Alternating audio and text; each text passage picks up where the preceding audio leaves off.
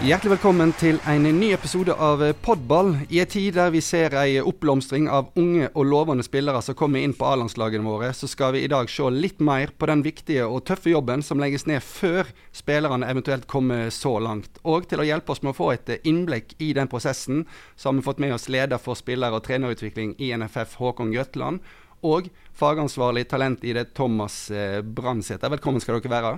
Tusen takk. Takk skal du ha. Når vi tenker veien mot A-landslaget, så, så, tenker jeg landslagsskolen som, eh, som, konsept her. Og Da tenker mm. vi at vi bare begynner med det store store spørsmålet, Håkon. Hva, hva er egentlig landslagsskolen? Altså, land, landslagsskolen er egentlig to ting. Punkt én det er en fagplan. Uh, det er planverk som sier noe om hvordan vi skal drive spillerutvikling i norsk fotball. Altså hva vi skal trene på, type øvelser, hva vi skal se etter hos unge spillere osv. Så, videre. så det er et planverk som vi håper og tror og jobber for at flest mulig forholder seg til. Og så er det en mer en modell, altså der uh, vi samler inn spillere på ulike typer nivåer uh, ute i kretsa, sonelag, kretslag, uh, hvor man går et sånn type skoleringsløp. da. Så planverk var en modell. Og hva, hva, er formålet? Hva er det en ønsker å oppnå, oppnå med et sånt type konsept? Altså punkt én er at vi ønsker å inspirere eh, de som har det gnistrer litt ekstra i øya på. At de kommer inn, får inspirasjon, får noen referanser som de tar med seg tilbake til klubben sin. Da. Det er det viktigste. Eh, og så er det en identifiseringsarena eh, inn mot det som etter hvert blir da ja, så drar seg til opp eh, Man kommer inn når man er 12 i landslagsskolen, og så i, i sluttenden av landslagsskolen så er det jo aldersbestemte landslag på 15 og 16. Så det er en identifiseringsarena. Thomas, du kom til NFF eh, forrige sommer og begynte i arbeidet her. Da, eh, fortell litt om den bakgrunnen du har, og hva du har gjort tidligere. Jeg har jo jobbet eh, først og fremst som fotballtrener i ungdomsfotballen. Eh, Starta i Øhild i 18-årsalderen og, og blei bitt av, eh, av basillen eh, tidlig. Og egentlig eh, fulgt trener, trenerveien videre. Eh, jobbet i, i Stabekk, eh, jobbet i Treff. Eh, jobbet noen år i utlandet. I eh, Liverpool studerte jeg tre år og hadde diverse trenerjobber der. Og så har jeg nå senest jobba tre år i akademiet til FC Mytterland. Og så har jeg parallelt med dette hatt en uh, interesse for å jobbe en del med, med analyse og teknologi, så jeg jobba litt med den, den biten av det også. Og du sier som du sier du har vært i utlandet. Hva, hvis, når du kommer inn her, da, hva, det, klarer du å sammenligne det du har sett, de referansene du tar med deg utenfra, og det som du ser her i hjemme? Ja, altså det er jo veldig mye som gjøres likt. Det er ikke noe grunn til å tro at uh, det som foregår ute i det store utland, er en helt annen, uh, en helt annen verden enn enn det som foregår her. Den store forskjellen jo, går jo ofte på, ofte på ressurser. Um, eh, penger, eh, fasiliteter, antall ansatte osv.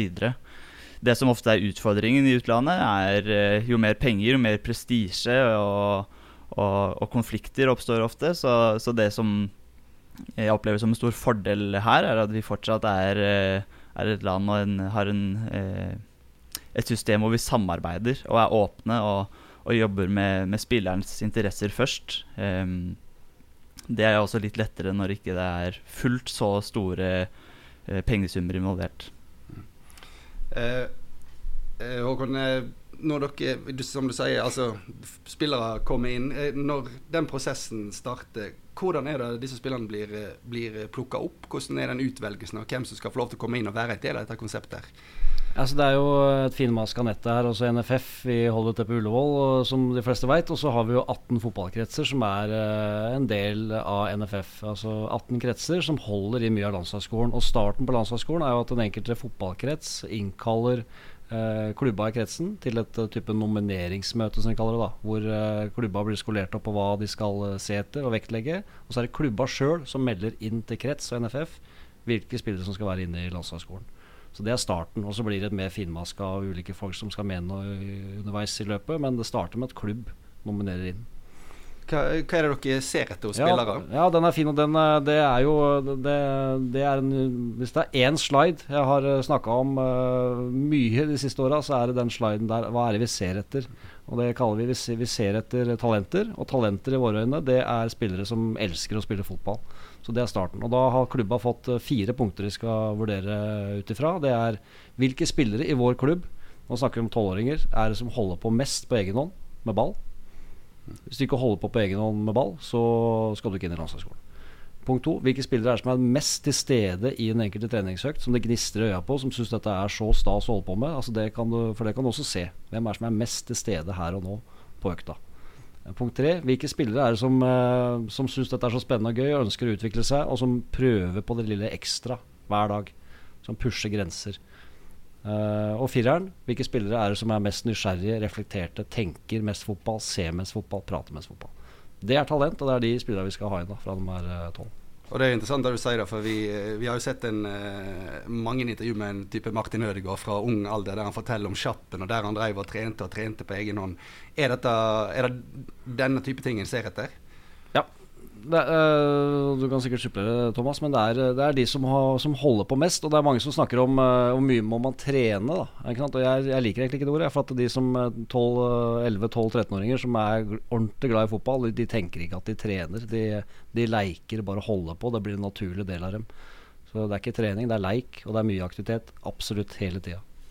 Jeg tenker to ting rundt det her.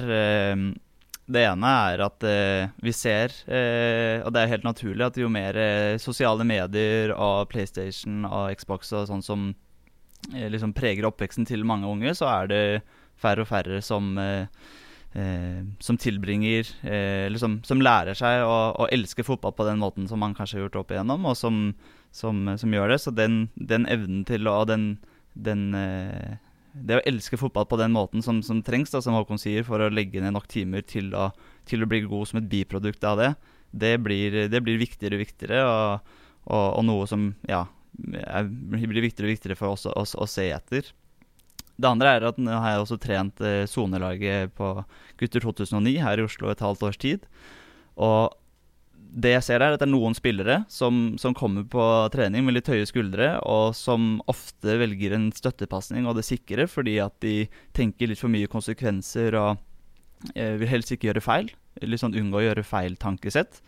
Og så er det noen spillere, og de som da, eh, da ofte er blant de, de fremste i, eh, på både hver trening og, og, i gruppa. Det er de som, som Håkon er litt inne på, da, tester grenser, men, men som faktisk da tør å, sjanse på å spille den gjennombruddspasningen tør å utfordre, tør å skyte i nærheten av mål istedenfor å spille den videre til kompisen. Så det er liksom to, eh, to viktige aspekter ved dette her med å elske, elske spillet. Men det jeg eh, lurer på, Dere forklarer hva dere ønsker å se hos unge spillere. Men hvordan ser ei, ei sånn klassisk ei eh, treningsøkt ut for eh, altså Sånn som dere vil ha det i, i deres konsept?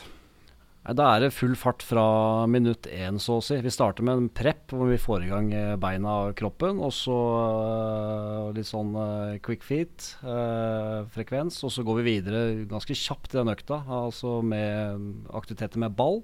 Og med og motspillere. Så det er egentlig en klassisk landslagsskoleøkt. Er at det er med, altså, spill motspill nesten fra minutt én.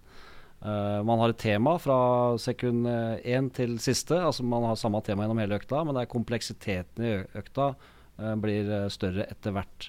Men temaet er det samme, og det er alltid spill motspill. Det, det, er det som er fotballferdighet. Det er å kunne håndtere spillesituasjoner. Og det, da, da, øver vi på det fra første sekund. For jeg lurte på Hvorfor er det akkurat sånn dere, dere ønsker å ha det? Ja, for det er, det, er, fotball. Det er, det er, å kunne håndtere tid og rom, og det, ting er i endring hele veien. Det er også teknikk, fysikk, eh, blikk. Eh, alt må du håndtere samtidig som ting endrer seg. Og derfor må vi, altså Du blir god til å øver på, og det er dette som er fotball. Så vi er vekk fra den der veldig sånn som man kanskje holdt på for 15-20 år siden. Mye sånn isolert teknisk trening, to og to pasninger, masse keileøvelser, sånne ting. Det har vi tatt helt vekk. Det er spill mot spill. Ja, Så vet jeg at dere er veldig opptatt av det som skjer i boksene. Eh, kan du si litt om hvorfor det, hvorfor det fokuset ligger på dag? Altså, jeg er ikke helt enig. Jeg syns ikke vi har vært så veldig opptatt av det. Altså, det er kanskje det som er, Vi har vært for opptatt av det som skjer uh, midt på banen. I hvert fall Vi har hatt for mye øvelser og sånn som egentlig stimulerer ting du trenger som midtbanespiller. Så, og så har vi glemt litt de der eh, situasjoner som skjer i begge bokser, eh, og som er det som avgjør fotballkamper. Og det er jo der vi også henger etter sånn internasjonalt. Det er jo effektivitet og boks. Så vi har løfta fokuset på det nå. Vi har liksom Gjennom det planverket vårt så, så har uh, boks fått en større plass. Det skal øves mer, trenes mer, og vi må få trenere som er mer skolerte på det som skjer foran måla, rett og slett. Thomas, er det noe du òg har eh, lagt merke til gjennom din jobb i utlandet? Ja, altså så jeg bare for å supplere si at jeg har veldig, veldig stor forståelse for at hverdagen ute i, i klubb ofte er sånn at eh, det er flere lag som skal trene på, på et eh, kanskje begrensa område. Eh, og det er kanskje ikke elleve mål da, til, eh, til alle treningsgruppene som er der. Eh, eller 20 mål, eller hva det måtte være med å spille på. Så det, det Noen ganger kan det ikke la seg gjøre, men det vi, det vi oppfordrer til, er en sterk bevissthet rundt det, og, og få med mål og spill i, i begge bokser så ofte som, som overhodet mulig. En spiss bør gjennom en treningsuke skåre mange mål for å bli god til det. For å sette det litt, eh, litt uh, enkelt opp. Det jeg uh, lurer litt på, for som vi var inne på innledningsvis, så er det mange nå spillere som har vært innom dette systemet, som har tatt steget opp på A-landslagene og nå dominerer den der. Hvordan er den tråden der? Hvordan jobber dere med at de som kommer inn en dag, skal, ja, skal ta steget opp på A-landslaget og, og, og prege norsk fotball. Altså, dette er jo et løp som går over flere år. og altså, Landslagsskolen varer jo ut det året man er 16, så da handler det egentlig om å få, få de mest talentfulle inn og gi de den første type skoleringa som gjør at de er eh, klare for uh, å spille med flagget på brystet når du er 15-16-17. Så det er jo ett løp, og det er mer sånn her grunnpakke. De skal jo lære masse ting. Både sånn fotballmessig, men også det å forholde seg til uh, Plutselig skal du på samling og forholde deg til spillere fra andre klubber, ny trener. Det er masse, en stor del av dette her. Og så drar det seg jo til, selvfølgelig. Sånn, uh, og så er det eldre landslag. Uh, hvor det blir mer det å kunne håndtere viktige kamper. Og det nå, i dag må vi vinne, nå gjelder det. Så det er liksom, det er vanskelig altså, Det er jo en, uh, det er jo en skole, egentlig. Som vi kan kalle landslagsskolen for ungdomsskolen. da Hvor du skal få en sånn grunnpakke. Og så er det over på videregående og høyskole etter hvert, jo eldre du blir. Hvor det blir mer sånn spesifikt og mer snevra inn på ja, elitefotball. Og det at det nå drar det seg til, liksom. Så det er vanskelig å svare veldig presist på det. Bare for å følge opp, så Det handler om å trene på de riktige tingene på de riktige tidspunktene og på riktig måte. Det er, det er tanken. Og, da har vi jo lagd, som Håkon refererte til innledningsvis, et, et, ganske omfattende planverk som ble revidert i fjor. Eh, hvor, hvor, vi har egentlig lagd det vi kaller for en spillmodell. Altså en skissert opp de ulike fasene i spillet og hva som er viktig i hver enkelt fase. Og så har vi brutt det ned til hvordan kan vi øve på, på dem, og lagd økter og øvelser som vi bruker eh, som er tilpassa de ulike alderstrinnene i landslagsskolen. Ja, for Med en sånn eh, øvelsesbank som du beskriver, som dere sender ut, hvor viktig er det da at Norge er, er samkjørte i hvordan man driver spillerutvikling, og, altså ute i klubb og eh, når du ser på det er i hvert fall viktig at de som vi som ligger i vår portefølje, og dvs. Si kretsa, og det er jo totalt 1500 trenere inne i landslagsskolen, at de 1500 trenere forholder seg til, til noen sånne si minste felles multiplum. Det er noen ting som bare skal være landslagsskoleøkt og øvelser, eh, og det bryter man ikke med. Og det, det, er vi helt avhengig av for å få en felles kraft og retning på ting. Og så, jo, så heier vi jo på at uh, ulike miljøer gjør på sin måte og finner sin egenart. Uh, men jeg har tro på en sånn, der, en sånn plattform, som, uh, og den føler jeg vi har samla som i norsk fotball. Det er noen ting som alle er enige om at det er lurt å drive med. Og Det er egentlig det landslagsskolen prøver å beskrive. Da. Det er litt hvordan vi øver, hva vi fokuserer på. litt hva som kjennetegner den gode treneren. det er ikke noe uenighet om det, egentlig.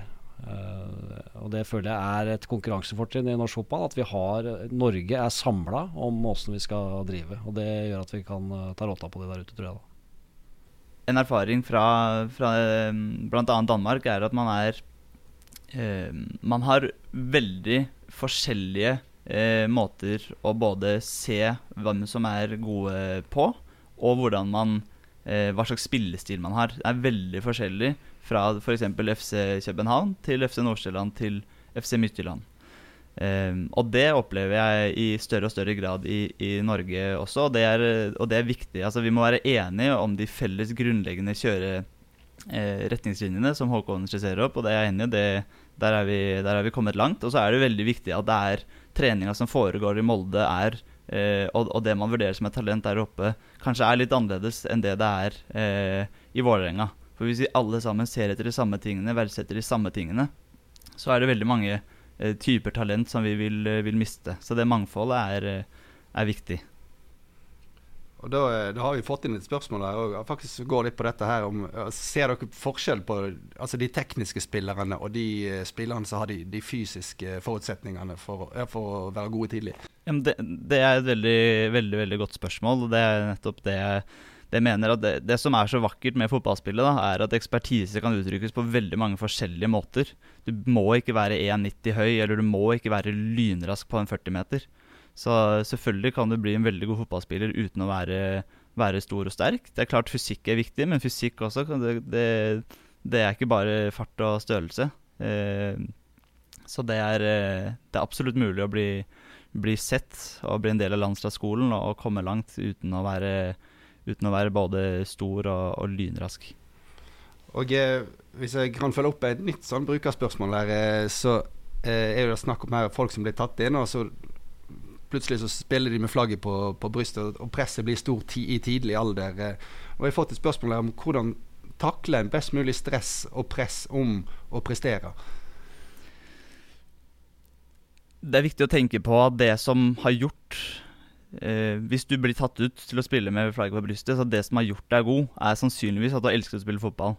At du har elsket å trene mye, at du har utfordra grensene, sånn som vi snak snakka om innledningsvis. Og ta vare på det.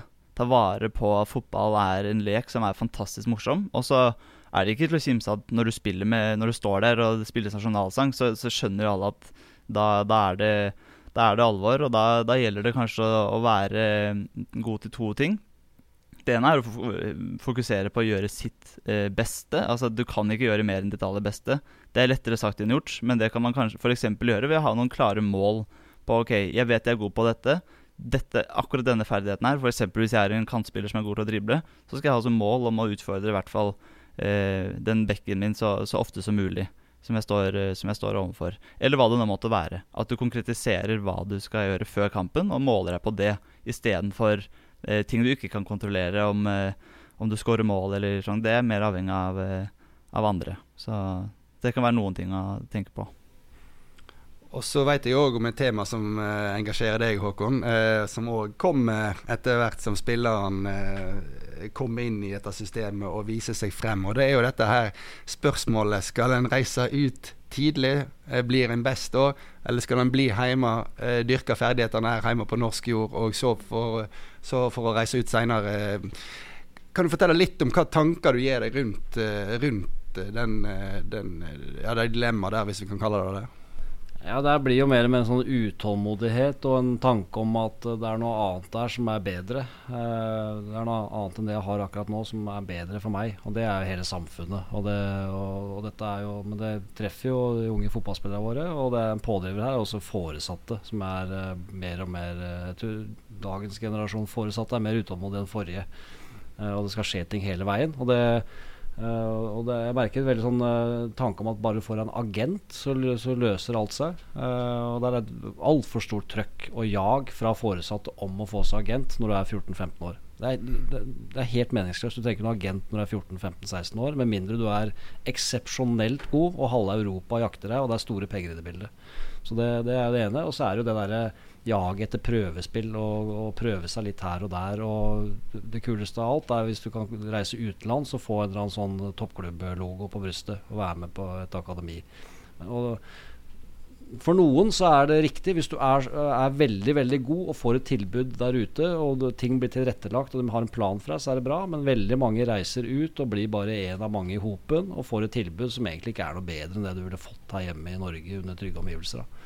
Så sånn uh, skal være, passe seg for å bli for svart-hvitt der. Men uh, poenget er at uh, for de aller, aller fleste så er det fantastiske utviklingsmuligheter i Norge.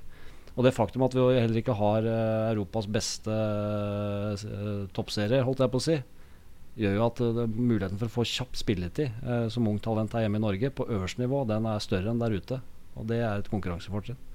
Men er dette noe dere jobber med spillerne om, som dere føler at dere må informere om, eller? Ja, altså, Vi har vel kanskje sovet litt i timen, og vi har ikke vært nok bevisste på det. Så det, vi, vi, vi, ser jo at vi må ha mer kontakt med, med spillere når de kommer inn på nasjonale tiltak. Eh, gi dem noen sånn, litt sånn overordna generelle råd om det her.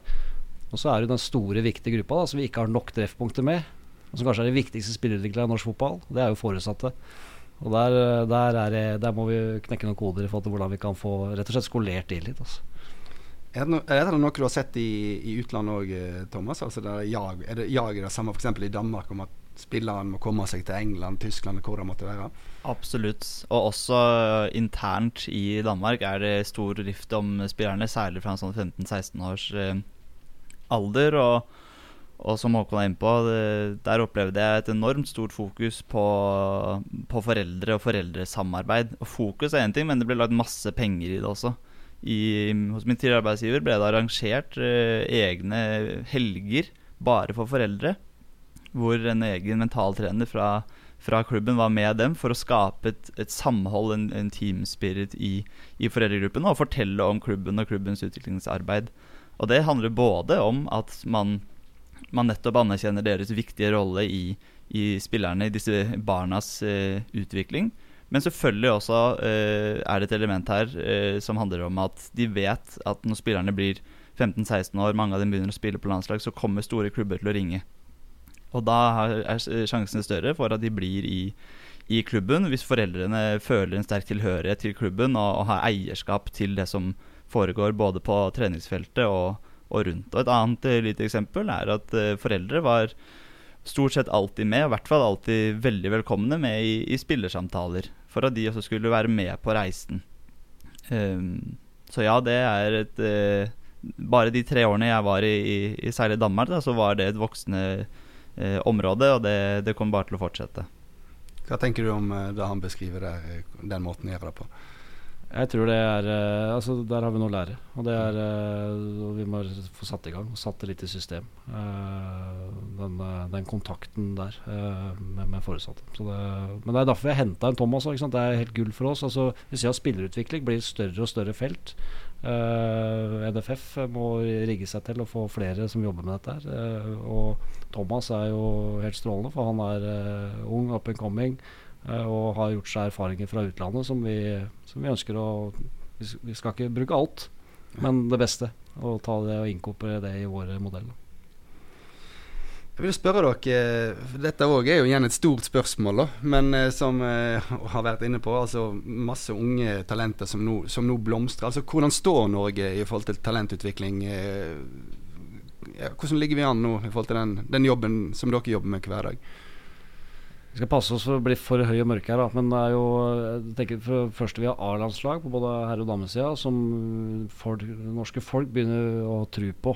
Og Der ligger det noen stolte øyeblikk i vente. Altså det er, vi har begynt å få trua på A-landslagene våre. Og så har vi, og A-landslagene består av masse unge, spennende spillere som, som er ute i store, bra klubber. Også på uh, aldersbestemt så, så, er vi jo av Uefa på guttesida har fått pris som fastest climber. Altså det er den nasjonen i Europa som har tatt uh, størst uh, steg på rankinga.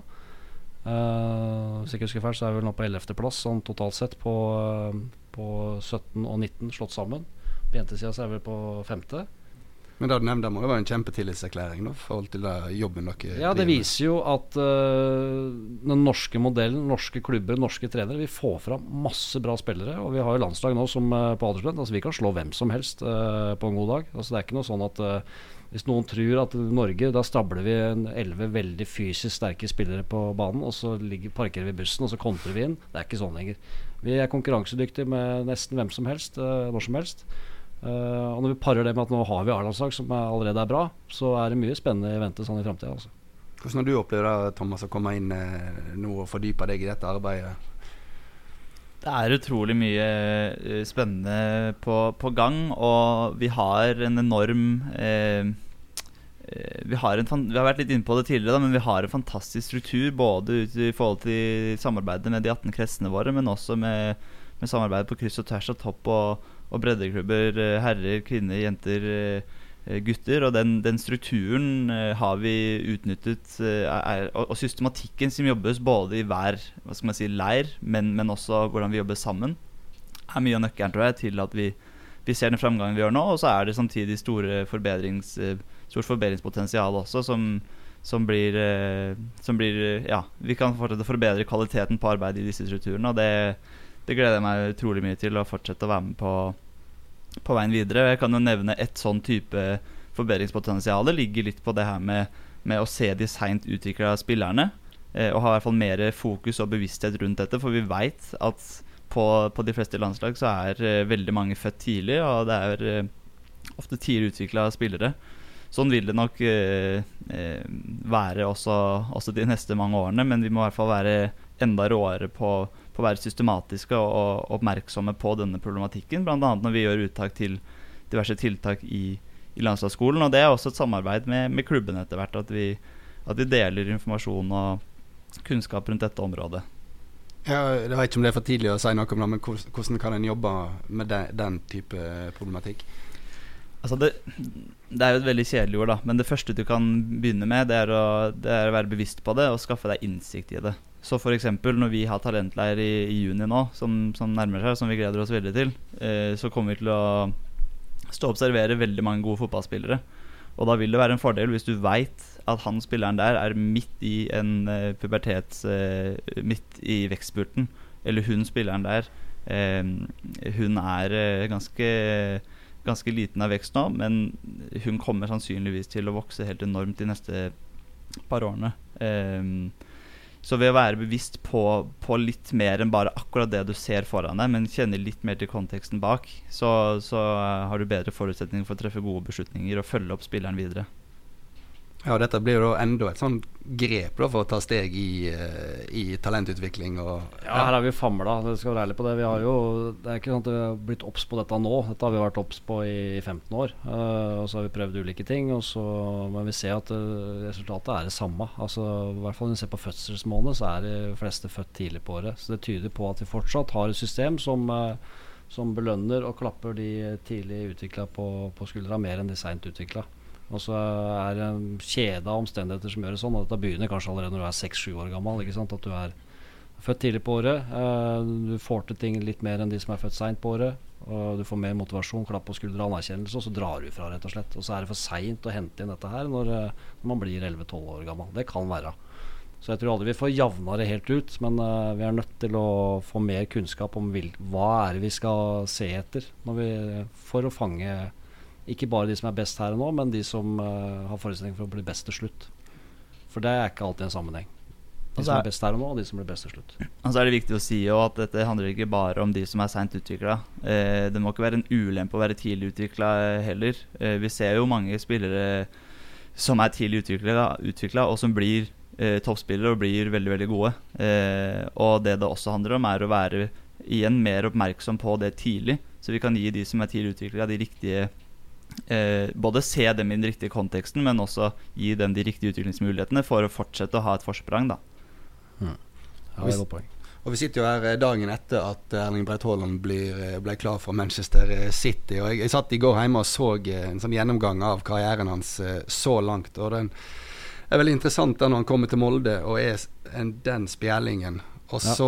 Eh, tas det grep der, og de sier han spiste tolv kjøttkaker mens de andre spiste to. Og mm. litt, eh, den, er, er, dette en del av eh, en sånn type ting å jobbe nei, ja, å jobbe med det. Altså, men det viser jo altså det, Og det er viktig å få fram. Altså, sånn Historisk sett så har vi hatt en ganske sånn brei spydringsmodell. Hvor vi, vi, jeg mener at vi har uh, eh, fanga opp også de som er uh, liten av vekst og seint utvikla. Uh, Braut Haaland er jo et eksempel på det. Han uh, kom inn på talentleir, første talentleiren da han kom inn, så var, jo, så var han den desidert minste av samtlige av de 14-åringa.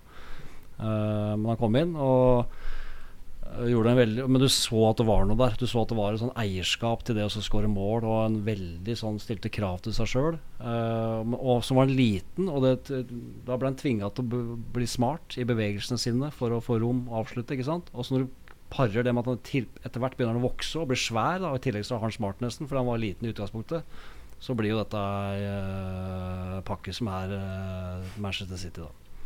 Ja, så det, ja. ja det, det, er jo veldig interessant å høre. Jeg vet ikke er det andre sånne historier du kan fortelle om? Altså Spillere som har, har nådd langt, som har kommet inn tidlig, som du har sett tidlig at her er det, her er det noe eller Eventuelt motsatt, at det, det trenger ikke nevne navn, men at det er store talenter som kanskje ikke har slått ut. Ja, men det er så, øh, Nå har jeg holdt på med dette i ti år, og det er jo privilegiet i den jobben at du, du, får sett disse spillerne når de er øh, 12-13-14 år gamle. Spillere som alle Norge, hele Norge snakker om ti år seinere. Og så er det liksom, Når jeg tenker tilbake på alle de spillere jeg har sett, så er det jo Det er egentlig bare én spiller vi har hatt inne, og som vi har snakka om og vært helt sikre på at dette her må jo bare bli en Arendalsson-spiller. Eh, hvis han ikke blir Arendalsson-spiller, så, så, er det mange som skal gjøre feil på veien. Og det var Martin Ødegaard. Eh, og han ble tatt inn eh, han tok vi faktisk inn når han var elleve år òg. Det er litt sånn Jeg kan si det nå, for nå er det så lenge siden, men det var jo egentlig ikke helt uh, innafor. Uh, men vi tok ham med på tiltak og snakka ikke så høyt om det. Han sto ikke på noen lister. Men han var så god uh, og så fenomenal at vi bare måtte ha han med.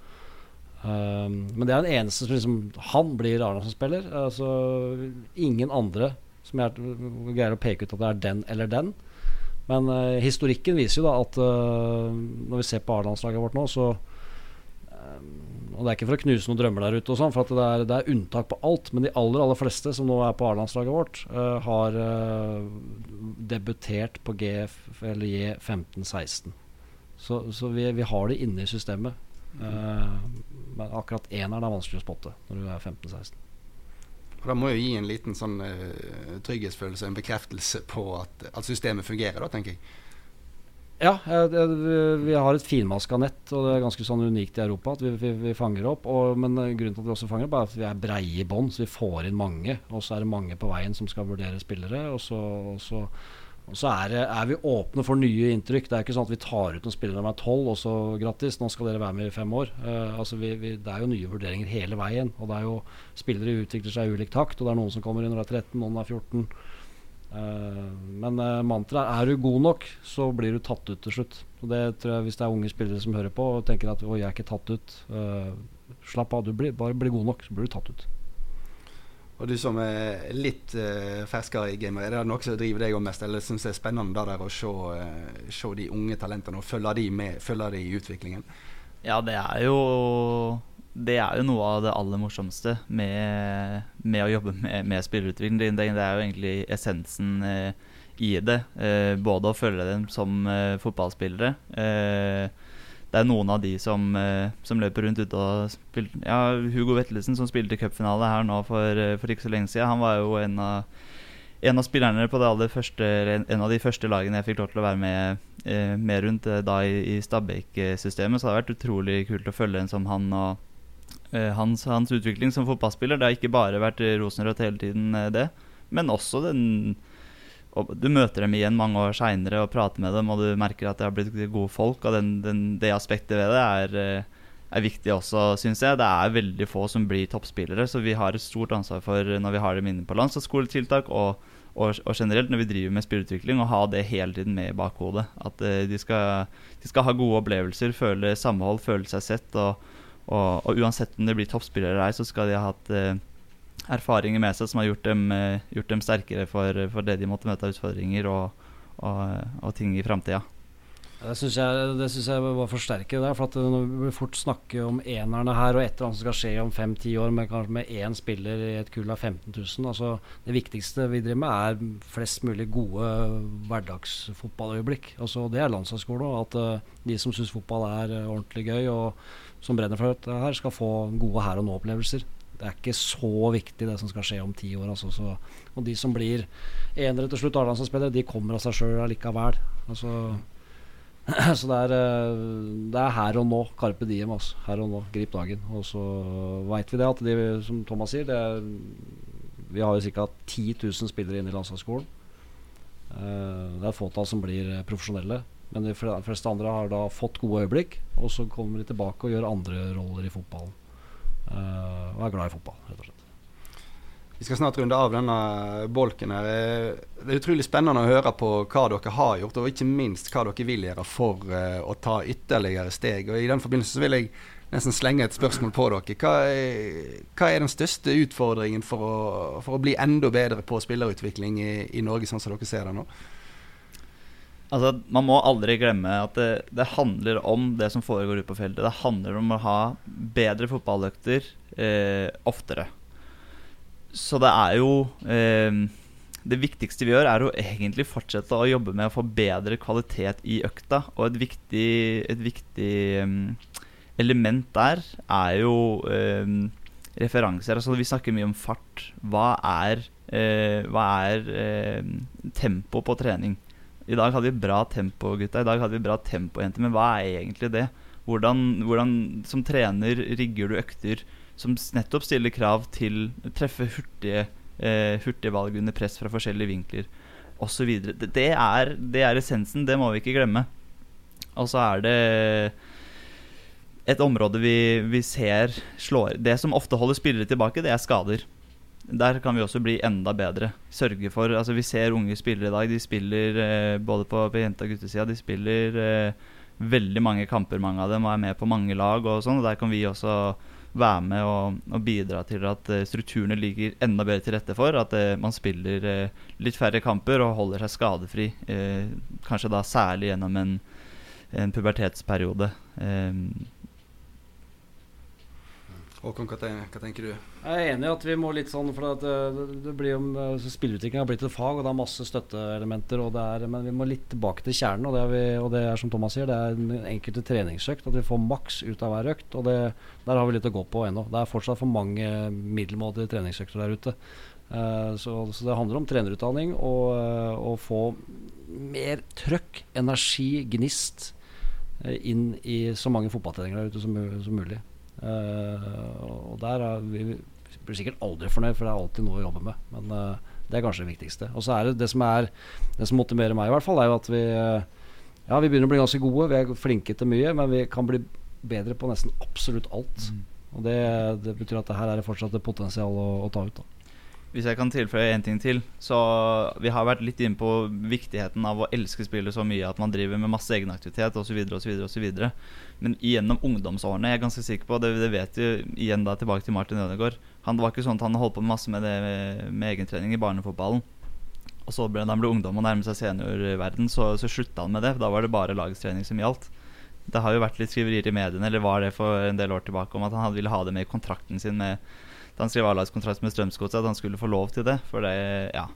Um, så det er også noe av det viktigste vi gjør framover, tror jeg. At vi, vi skaper uh, treninger som, som selvfølgelig er, er gode, men også så morsomme at de inspirerer til egenaktivitet også utover i ungdomsårene, hvor, det- hvor det dukker opp mange andre artige ting man, eh, som kanskje kompisene eh, og venninnene heller, eh, heller vil gjøre. Ehm, Ja, Der er konkurranseelementet viktig, og det kan vi kanskje løfte opp litt i norsk fotball. At den konkurransen inn, Hvis det er trenere som hører på her, få konkurranse inn i så mye man, som mulig, altså treningsaktiviteten. For det trigger, stimulerer, motiverer. Og, og drar ut den der siste energien. da Så Det er konkurranse. Det er derfor fotball er spennende, for det er, det er konkurranse. Og så prata jeg med en trener her i ungdomsfotballen i Oslo eh, nylig som sa at ja, men eh, vi har eh, begynt Alle har jo Spond, veldig mange bruker Spond, så vi lager eh, i, i Spond et, eh, en, lager vi trening på fredag hvor vi bare sier her er det er trening, vi har banetid fra, fra fem til, til sju. Kom de som vil, og så melder man seg bare på, og så, så møtes man og så spiller man. Ingen trener, kaster bare ut en ball, så spiller de bare. Så det går an å tenke eh, ja, prøve å tenke litt nytt eh, rundt hvordan man kan stimulere til, til, til lek og, og egen aktivitet utenfor den organiserte treninga. Beholde gleden i, i fotballen, rett og slett. Yes. Eh, jeg tenker vi skal eh, gå inn eh, i det vi har eh, avslutningsvis her. Og det er en sånn spalte som eh, Nå har vi snakka masse om talentutvikling. Nå tenkte vi skulle gå litt mer over på det personlige planet. For dette er jo tross alt en fotballpodkast, og da er det alltid interessant å høre om gjestenes eh, beste eller sterkeste fotballminne. Eh, så da har jeg utfordra dere to på, det. Så jeg vet ikke helt hvem som, eh, som ønsker å starte med å fortelle. Håkon nikker i retning Thomas, deg, eh, Thomas. Jeg kan, jeg kan starte. Ja, men du, du sier ordet personlig, så jeg tenkte jeg skulle være litt, litt personlig. Ja, det er det beste, da. Jeg begynte som trener da jeg, jeg hadde knapt fylt 18. Så fulgte jeg en gjeng eh, Det var da G13 i, i Øvrevoll Hosle. Så fulgte jeg dem i tre år. Og så skulle jeg begynne på folkehøyskole i Molde og hadde hatt min siste trening og skulle si farvel. Takk for, eh, takk for tre fine år. Det ble mye mer emosjonelt enn jeg hadde sett for meg på forhånd. Eh, jeg ble veldig, veldig rørt. Det kom noen tårer fra meg. Det, var, det satt 16-åringer og, og grein også. Den hadde jeg ikke sett komme. Det fikk meg til å tenke mye og, og, og forstå hvor, hvor mye det betyr for ungdom å, å bli eh, sett, som jeg tror jeg var god til. Det var det viktigste for meg de årene der. Det var å, å se alle. skape et godt samhold. Um, så det, det, det, gjorde noe med meg. Som, det var kanskje der på, på den eh, banen på Jarmyra at eh, jeg fant at det her er så meningsfullt at det, ikke bare er en, uh, det kan ikke bare være en hobby. Det må jeg prøve å gjøre til en, til en levevei også. Så det er et sterkt minne som jeg prøver å ha med meg videre også i, i, i det vi gjør. Det, det betyr, fotball betyr mye for mange, og kanskje eh, særlig viktig i, i, en ungdomsfase som er, eh, som er krevende for mange. Ja, vil jeg påstå var et, eh, et fint minne. Det viser vel òg litt eh, viktigheten av bånd mellom trener og spiller eh, der. Håkon? Jeg har tenkt fælt, og så er det jo, det er jo minner. Altså det, er, det, er, mer sånn, type følelse som sitter igjen av, av, av eh, stolthet, fellesskap, uh, lettelse de gangene dommeren blåser i fløyta og du har vunnet. Men, et minne. og det, det jeg kommer landa på, er egentlig som guttunge. Tolv år, står på og, og, sparker på ballveggen, som jeg gjorde hver dag, og drømte meg bort og at jeg var de store gutta der ute. Og så plutselig begynner det å komme en sånn dette er litt mer enn fotball enn jeg kommer til her nå. For det, begynner å komme en sånn rar følelse i magen. Sånn der, sånn, det kiler litt i magen. Uh, og så plutselig så blir de der eh, bildene av gutta på, der ute erstatta med Marte på barneskolen. Så jeg skjønner at jeg er forelska. Faktisk. Det var sånn ny følelse. Litt sånn der, eh, hva, hva, er dette for noe? Og så er det et par dager etterpå, da, så er det jo så er det leirskole. Og da tenkte jeg at da må jeg jo Da må jeg ta mot meg og så sende en lapp til den jenta og så spørre om skal vi være sammen. Jeg og skal være sammen. Og fikk ja, da. Og, var, og, og, så, men poenget, da, for vi skal koble det til fotball, så er det jo seinere den dagen For da er jeg allerede en ganske lykkelig tolvåring. Men seinere på dagen så skal Norge spille avgjørende eh, kvalikkamp mot Polen borte. Vinner vi den kampen, så kommer vi til VM for første gang på siden det er vel 38. Uh, vi vinner 3-0 borte mot Polen. Og jeg bare, men den lykkefølelsen der altså det er, Du lykkeligere tolvåring får du ikke. Altså det er, uh, jeg fikk ja fra Marte, og vi har kvala til fotball-VM i 94. Altså, ja, det er den som sitter igjen. Kjærlighet og fotball på ene samme dag. ja, ja, det er det. det, er det. ja, fantastisk. Jeg skjønner at den sitter igjen. Nei, Strålende, gutter. Uh, vi skal avslutte nå. Jeg vil bare si tusen takk for at uh, dere kom, og masse lykke til videre med arbeidet. Det er masse å ta fatt på, uh, skjønner jeg. Og så sier vi òg takk til alle dere som eh, hørte på. Og så kommer vi straks, eller kjapt blir det vel, tilbake med en ny episode av Podball. Takk skal du ha.